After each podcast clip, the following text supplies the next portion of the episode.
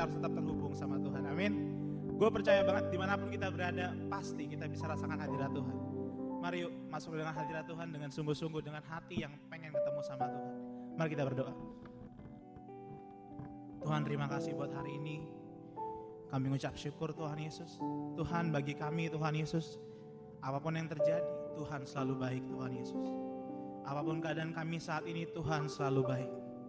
Tuhan terima kasih Tuhan buat setiap anugerahmu, setiap rahmatmu Tuhan buat kami. Terima kasih ya Tuhan, terima kasih. Tuhan kami gak, ber, gak berhenti-berhentinya mengucap syukur Tuhan Yesus. Buat kasihmu yang luar biasa melimpah buat kami Tuhan. Terima kasih ya Tuhan, terima kasih ya Tuhan. Kami siap memulai ibadah online ini Tuhan Yesus. Di dalam nama Tuhan Yesus, haleluya. Amin. Siap memuji Tuhan teman-teman?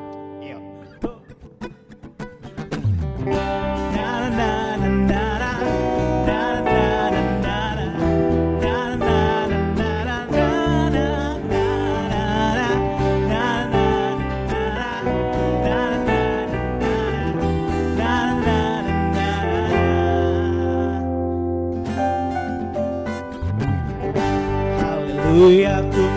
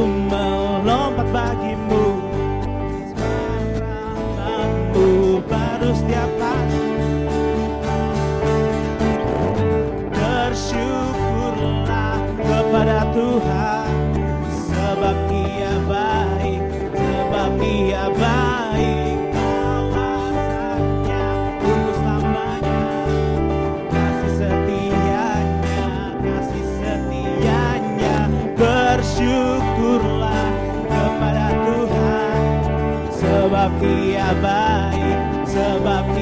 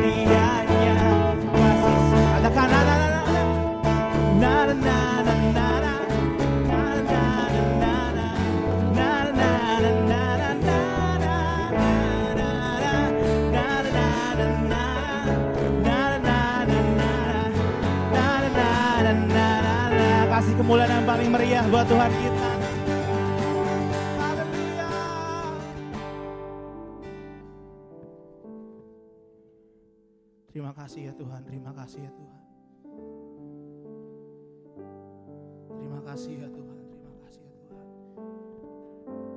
Biar dari mulut kami selalu keluar pujian dan penyembahan buat Engkau ya Tuhan Yesus. Sebab hanya Engkau Allah yang besar Tuhan. Engkau Allah yang maha kuasa ya Tuhan Yesus. Mari sembah Tuhan teman-teman. Di mana pun Engkau berada hari ini, mari sembah Tuhan. Angkat pujianmu, angkat suaramu bagi dia. Terima kasih, sembah kau Tuhan. Haleluya. Haleluya. Yesus, sembah kau. Sembah kau, ku sembah kau. Glory bagimu Tuhan. Mari terus sembah Tuhan. Sembah Tuhan teman-teman.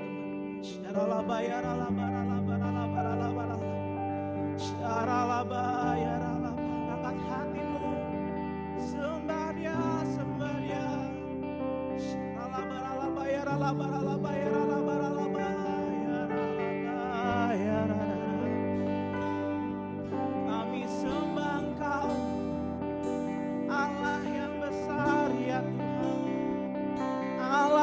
besar kami sembah kau. Haleluya. Syaralabaralaba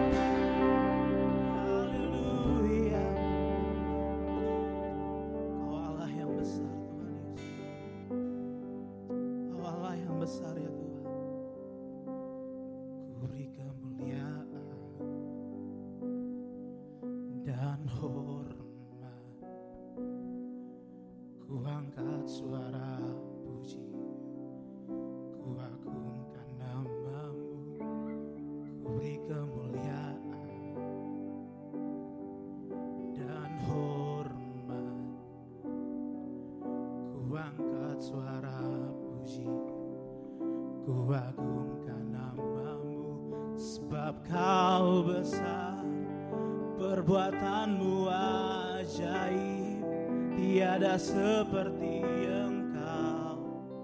Ya Tuhan, tiada seperti engkau. Sebab kau besar, perbuatanmu ajaib, tiada seperti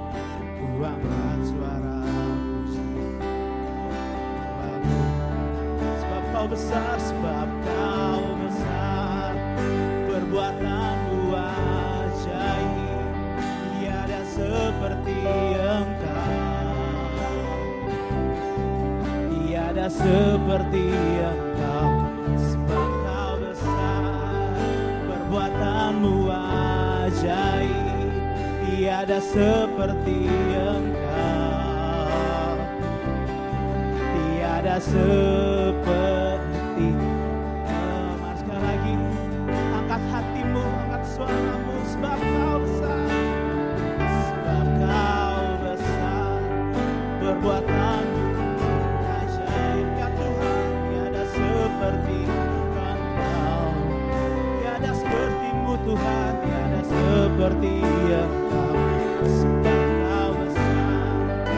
perbuatanmu ajaib tiada seperti engkau. Tiada seperti engkau. Sekali lagi nyatakan sebab kau besar. Sebab kau besar. Perbuatanmu ajaib tiada seperti engkau.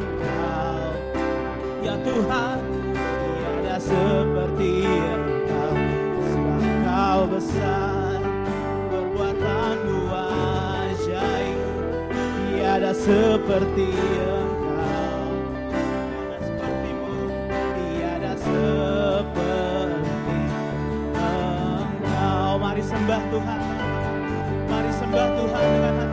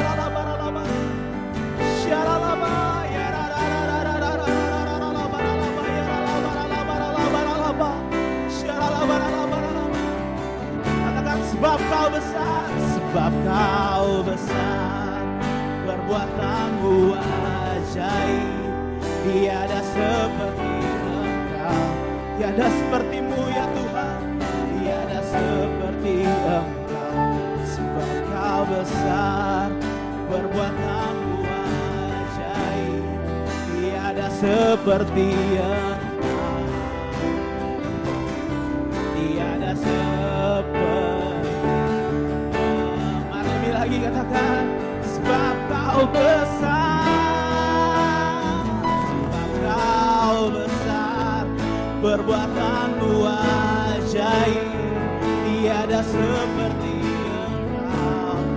Ya Tuhan tiada seperti Engkau.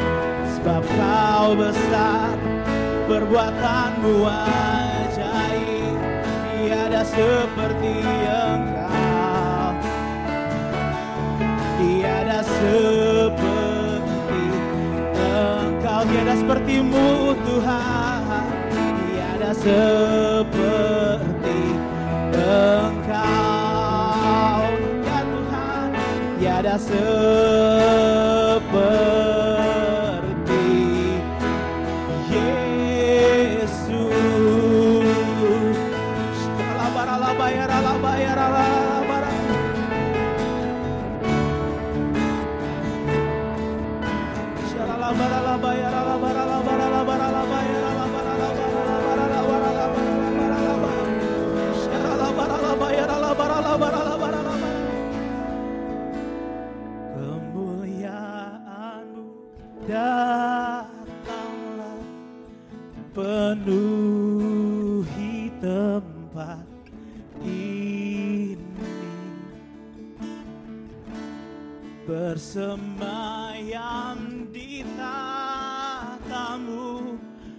Yeah.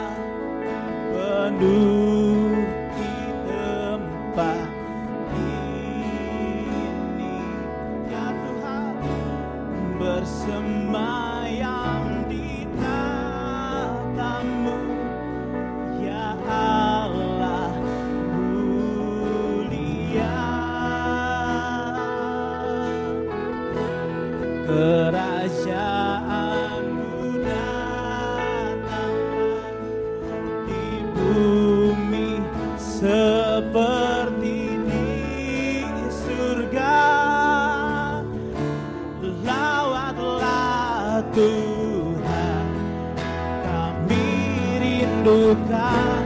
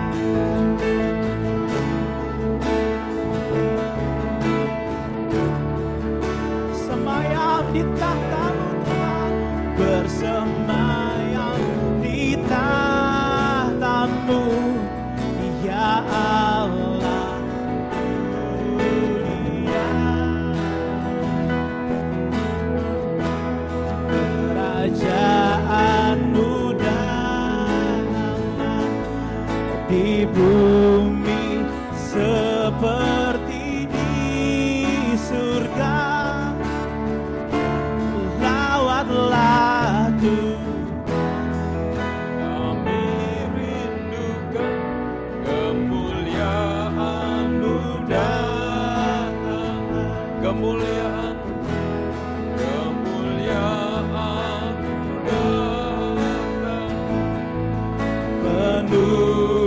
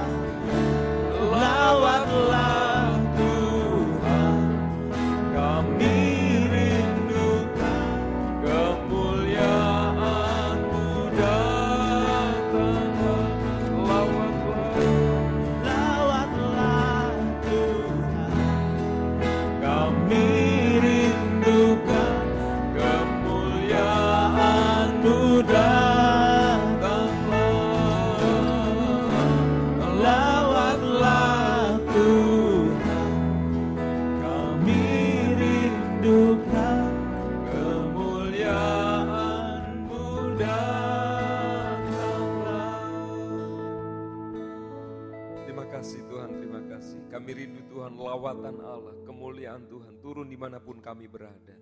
Terima kasih Tuhan Yesus, terima kasih. Berbicaralah kepada setiap kami. Kami percaya pesan-pesan firman-Mu Tuhan akan menguatkan kami semua. Berbicaralah kami siap mendengar dan melakukannya dalam nama Yesus. Haleluya. Sama-sama katakan. Amin. Puji Tuhan. Shalom anak-anak muda. Saya percaya, Om Rudi percaya kita semua dalam keadaan yang baik dan sehat. Amin. Ya. Mungkin ada yang merasa eh, bosan, kesel di rumah ya dan berbagai perasaan yang lain. Tapi Om Rudi mau katakan, kalau Tuhan masih kis- kasih kita kehidupan, kesehatan, kekuatan, bersyukurlah ya. Kalau hanya bosan, ya buatlah segala sesuatu menjadi eh, nggak bosan begitu ya. Jangan lupa kalau kita harus keluar pakai masker supaya menjaga semuanya.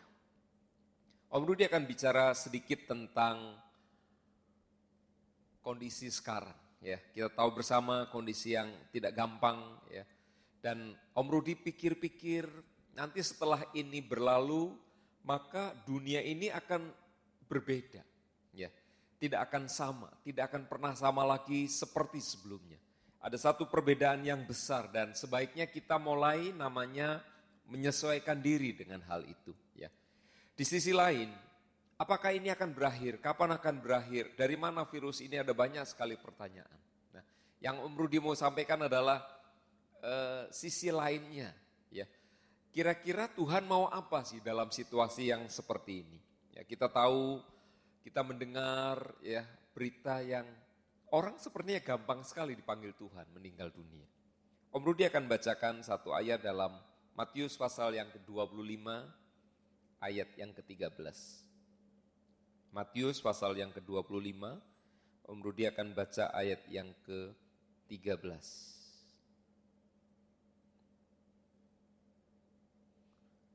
Matius 25 ayat 13 berkata demikian. Karena itu berjaga-jagalah sebab kamu tidak tahu akan hari maupun akan saatnya. Karena itu berjaga-jagalah sebab kamu tidak tahu akan hari maupun akan saatnya. Ya. Cerita yang di yang disampaikan ya maksudnya statement ini, statement dari Tuhan Yesus ini adalah bagian dari khotbah Yesus tentang akhir zaman. Ya, kita tahu Yesus memberikan banyak sekali khotbah dari kota ke kota berkhotbah mengajar banyak orang. Lalu Yesus juga memberikan berbagai perumpamaan ya seperti kalau kita lihat dalam Matius pasal yang ke-13 ya dan yang lain-lain. Yesus memberikan perumpamaan-perumpamaan yang akan menolong kita dalam hidup ini. Ya. Nah, khusus pasal 24, pasal 25 kitab Matius, kita bisa melihat bahwa Yesus memberikan perumpamaan yang sangat berkenaan dengan akhir zaman atau berkenaan dengan akhir zaman. Nah, melihat atau menyadari situasi yang ada ini, ayo kita mulai memikirkan. Apakah akhir zaman sudah dekat? Ya kita harus memikirkan. Lebih baik kita berjaga-jaga daripada kita tidak berjaga-jaga dan tiba-tiba saat itu datang. Ya. Oke, di dalam Matius pasal 25 ayat 1 sampai yang ke-13 itu judulnya adalah gadis-gadis yang bijaksana dan gadis-gadis yang bodoh. Oke, Om Rudi akan singkatkan saja. Ayat 1 dikatakan begini, pada waktu itu hal kerajaan sorga sumpama sepuluh gadis yang mengambil pelitanya dan pergi menyongsong mempelai laki-laki. Lima di antaranya bodoh dan lima bijaksana. Oke, Sepuluh gadis, mari kita bayangkan dalam dunia modern sekarang ini sepuluh gadis sedang menunggu mempelai itu namanya adalah apa? Pagar ayu. Ya. Mereka sedang menunggu mempelai itu datang untuk menyambut dan kemudian masuk bersama ke dalam ruang pesta. Ya, Anda bisa kita bisa bayangkan pagar ayu. Nah, pada zaman itu digambarkan ada sepuluh gadis yang menunggu mempelai dan ini adalah peristiwa yang biasa sebetulnya. Ya. Karena eh, kultur budaya pada waktu itu ketika mempelai akan datang ya mempelai itu datang pada jam yang nggak tentu. Nah ini budaya yang agak dalam tanda kutip beda sama kita ya. Mereka memberitahu mempelai pria berkata kami akan datang pada tanggal sekian. Jadi dari pagi mereka sudah menunggu kapan itu mempelai datang. Lalu disiapkanlah para gadis-gadis ya yang disebut dengan pagar ayu tadi. Yesus mengambil cerita itu untuk menjelaskan kedatangannya yang kedua kali. Tolong perhatikan, karena Matius 24, Matius 25 adalah perumpamaan tentang akhir zaman. Lalu dikatakan begini, gadis-gadis yang bodoh membawa pelitanya tetapi tidak membawa minyak. Bisa bayangkan?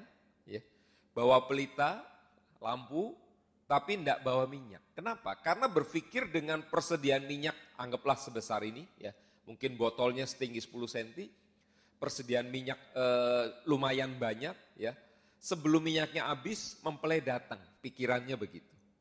Sementara dikatakan ada gadis-gadis yang bijaksana ya, membawa pelita dan juga membawa persediaan minyak dalam buli-buli. Gadis yang bodoh bawa pelita saja, gadis yang bijak bawa pelita plus minyak. Ya. Lalu ayat yang kelima, karena, tetapi karena mempelai itu lama tidak datang-datang juga, mengantuklah mereka lalu semuanya tertidur. Ya, semuanya lalu tertidur. Jadi mereka pikir, aduh kapan ini? Akhirnya capek dan e, selonjoran dan akhirnya mereka tertidur. Waktu tengah malam terdengarlah suara orang berseru, mempelai datang, song-songlah dia. Gadis-gadis itu pun bangun semuanya lalu membereskan pelita mereka. Gadis-gadis yang bodoh itu berkata kepada gadis-gadis yang bijaksana, berikanlah kami sedikit dari minyakmu sebab pelita kami hampir padam. Ya, oke. Sebetulnya apa sih yang diceritakan di sini? Ya, Om Rodi persingkat saja, ada nanti di akhir zaman. Karena ayat satu tadi berkata gini, pada waktu itu Kapan itu? Pada akhir zaman. Ya. Pada waktu itu kerajaan sorga seumpama sepuluh gadis yang sedang me mengambil pelitanya lalu menyongsong mempelai. Ya, jadi begini, Tuhan Yesus ingin menjelaskan begini, nanti akan ada sekelompok orang yang menunggu dengan cara yang bijaksana dan sekelompok orang yang menunggu dengan cara yang bodoh. Apa itu orang yang bijaksana? Om Rudi akan langsung dalam Matius pasal yang ketujuh, ya. Matius pasal yang ketujuh. Kita akan baca beberapa ayat Matius pasal yang ketujuh. Ayat yang ke-22, Matius 7. Pada hari terakhir, banyak orang akan berseru kepadaku, Tuhan, Tuhan, bukankah kami bernubuat demi namamu dan mengusir setan demi namamu? dan mengadakan banyak mujizat demi namamu juga.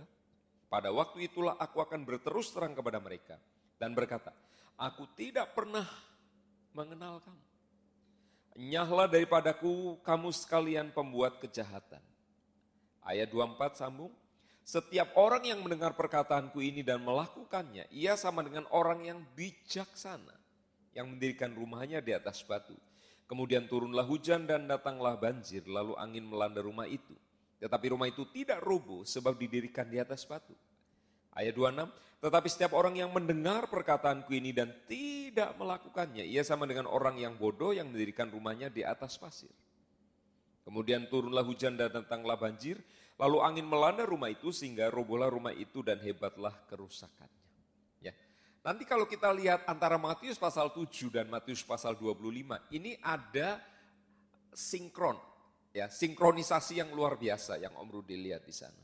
Ya, apa yang terjadi di sana? Pada hari terakhir, katakan ayat yang ke-22 tadi. Banyak orang berseru Tuhan, Tuhan.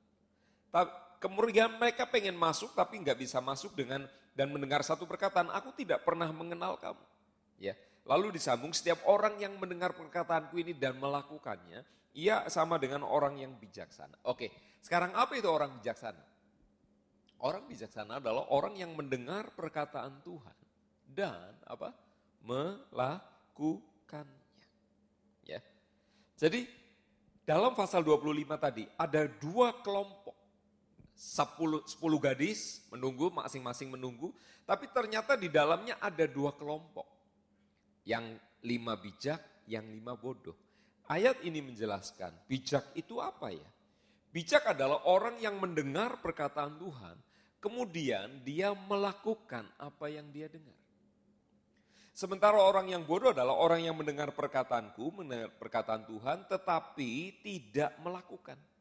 Dia dengar sih, dia dengar bagaimana caranya hidup yang bagus, bagaimana caranya menuruti firman Tuhan, dia dengar, tapi dia tidak melakukan. Ya, ya. Jadi ini satu gaya hidup yang mirip, tapi tidak sama. Miripnya adalah dua-duanya mendengar suara Tuhan. Miripnya adalah dua-duanya berkata amin karena nggak melawan sama firman Tuhan. Tapi yang satu orang, satu kelompok orang melakukan apa yang didengar, satu kelompok tidak melakukan apa yang didengar. Ya. Jadi mari anak-anak muda ya siapa pun kita pilihan untuk melakukan dan tidak melakukan itu ada di dalam hidup kita. Sekali lagi pilihan itu ada. Dan ayat tadi Yesus berkata begini, karena itu, ayat 20, pasal 25 ayat 13, karena itu, itunya tuh apa ya? Saya baca selanjutnya di, karena itu, itunya tuh apa? Karena sebagian orang pada akhirnya akan diterima masuk dalam pesta perjamuan, sebagian orang akan ditolak setelah melihat mengatakan tentang perumpamaan itu, Yesus berkata, "Karena itu ya, berjaga-jagalah sebab kamu tidak tahu akan hari maupun akan saatnya." Bagaimana ceritanya lima gadis yang bodoh itu kok bisa ditolak? Tadi mereka bangun dan pelitanya hampir padam karena persediaan minyaknya ini makin habis. Dan karena padam lalu dia minta sedikit bagian dari persediaan minyak dari uh, teman-temannya. Ingat, mereka sudah dengar mempelai datang, artinya udah deket banget. Ya.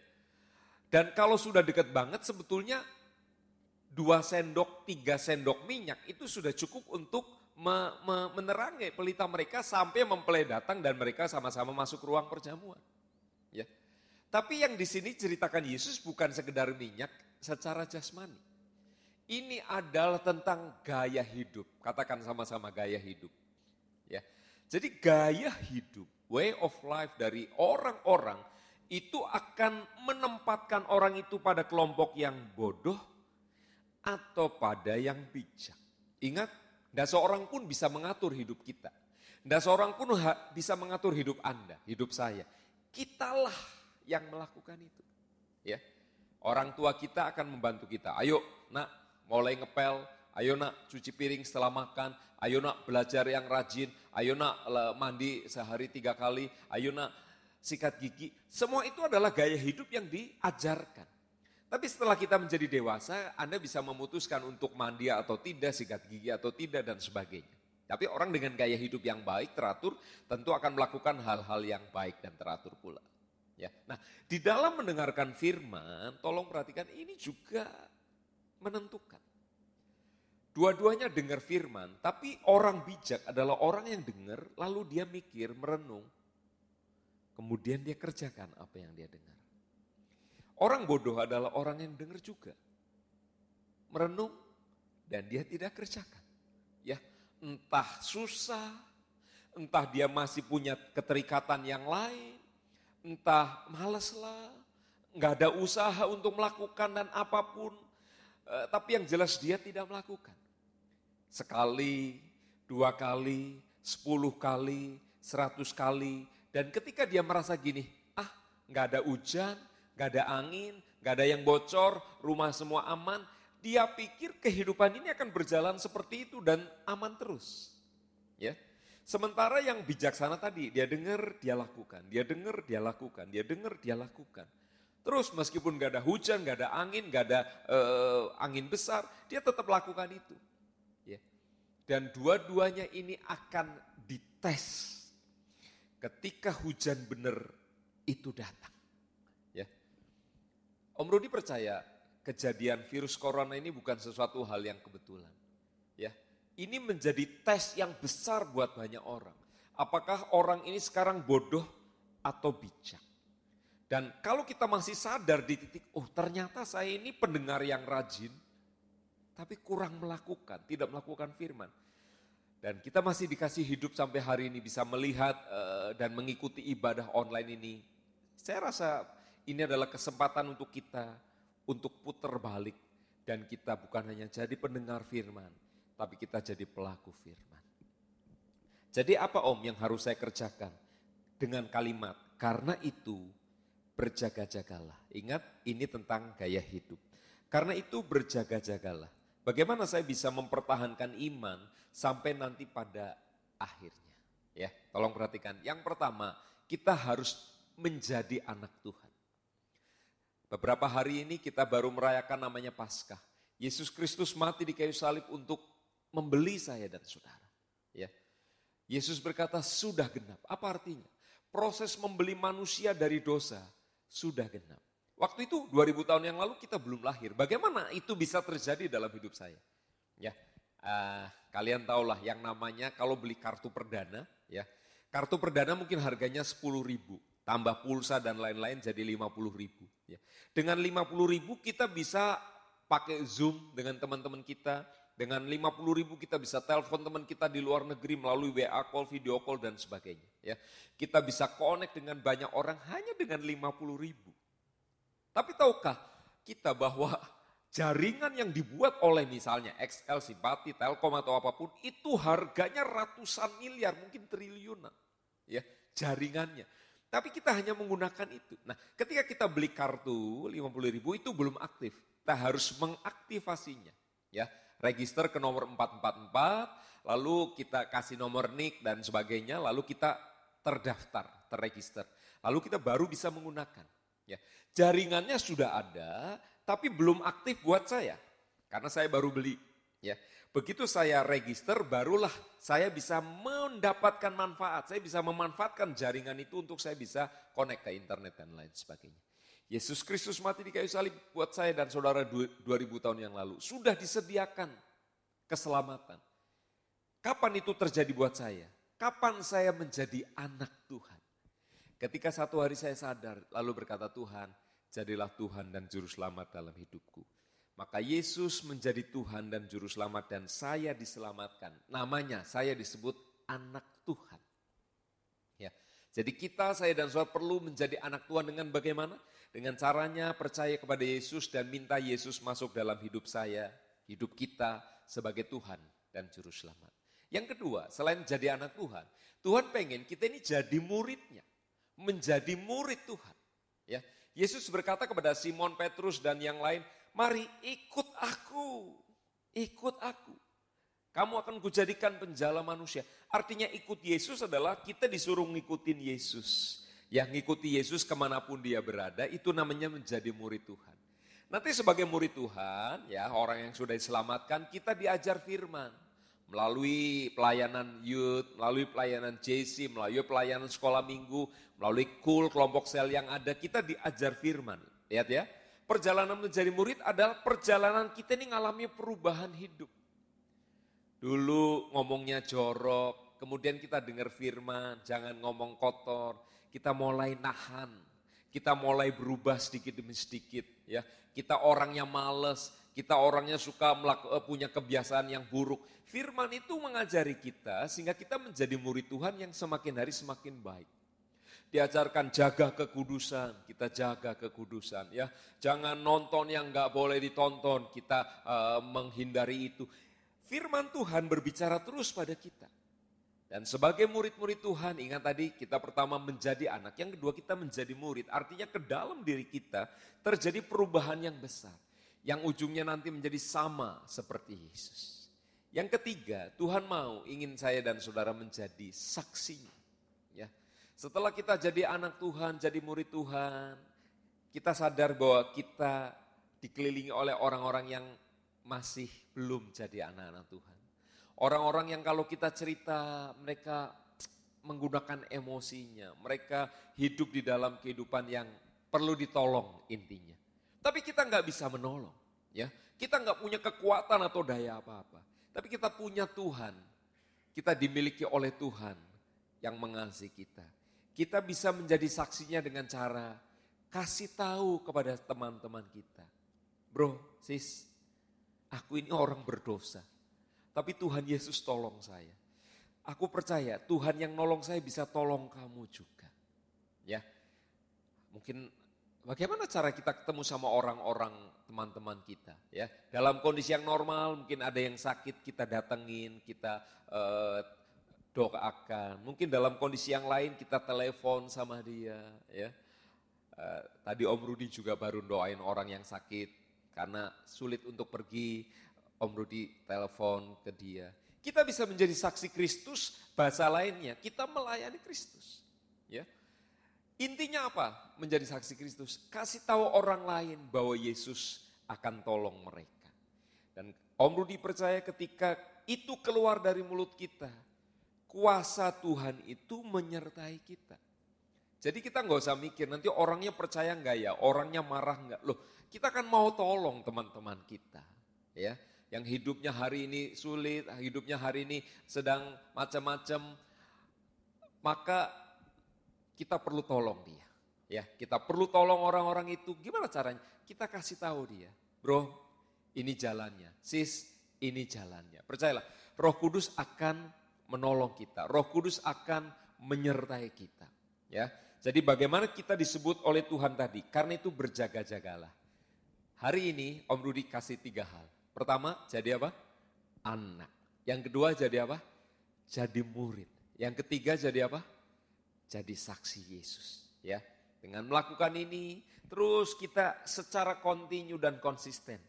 Ya, nanti menjadi murid baca Alkitab, kita berdoa ya eh, di gereja kita namanya Project 33 itu kita kerjakan. Selama kelamaan Tuhan akan membentuk kita menjadi pribadi yang berbeda. Lalu kita mulai memberitakan kepada orang lain. Om, saya sendiri masih dalam pergumulan. Om, saya sendiri masih dalam pertolongan. Oke, kita minta mentor kita mendoakan kita. Ya, kita minta mentor kita memberi nasihat kepada kita. Dan jangan lupa, orang bijak, orang yang dengar firman dan apa tadi? Melakukannya. Ya, jangan hanya oh ya ya ya ya saya tahu. Oh, bukan cuma tahu. Ya, setelah kita tahu, kita kerjakan. Itu adalah orang bijak. Ya. Dan ingat, menjadi orang bijak itu akan membuka pintu kapan pun Tuhan Yesus menjemput kita. Ya. Yang pasti bukan kita takut sama kematiannya, tapi kita takut kalau kita tidak jadi orang bijak alias orang bodoh. Mari saya ingin dorong kita semua, jadilah orang bijak, orang yang mempersiapkan apa yang akan terjadi. Ya, dengan cara menjadi anak Tuhan tadi, percaya Yesus. Menjadi murid Tuhan, izinkan dia mengubah hidup kita. Dan menjadi saksi Yesus dengan kita ngasih tahu orang. Sekarang Anda kita bisa pakai banyak cara. Melalui media sosial, online seperti ini, melalui telepon, melalui surat, melalui apa pun, kita bisa kerjakan itu kepada teman-teman kita. Amin. Mari kita berdoa. Tuhan Yesus terima kasih buat segala kebaikan Tuhan dalam hidup kami. Hamba saat ini berdoa buat anak-anak muda ya Tuhan. Engkau memberkati setiap anak-anak muda. Biar kami berjalan pada jalan-jalan Tuhan. Kami mau menjadi anak Tuhan, kami mau menjadi murid Tuhan. Kami mau menjadi orang yang mau berubah ya Tuhan. Ampuni kami, kuduskan kami. Tuhan, kalau ada hal-hal yang belum berkenan di hati Tuhan, sucikan kami ya Tuhan. Dan tolong kami Tuhan dengan kuasa dari roh kudus menjadi saksi Tuhan. Untuk memberitakan kepada banyak teman kami bahwa Yesus mengasihi mereka dan Yesus siap akan menolong mereka. Terima kasih Tuhan, terima kasih. Kami berdoa buat setiap anak-anak muda di mana pun mereka berada. Di rumah mungkin ada yang sedang bekerja. Tuhan kau tolong lindungi, jauhkan dari sakit penyakit. Hamba juga berdoa mungkin ada yang sedang sakit, kurang enak badan. Tuhan kau jamah pulihkan sembuhkan ya Tuhan.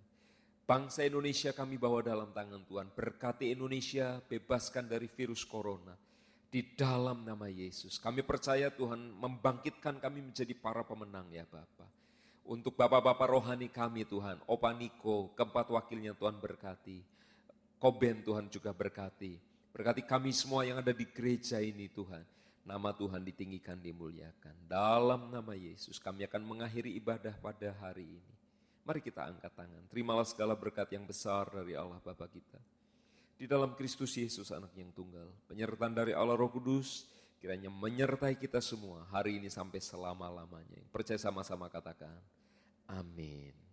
Jangan lupa tetap di rumah ya. Kalau tidak perlu makan yang banyak supaya badan sehat. God bless you.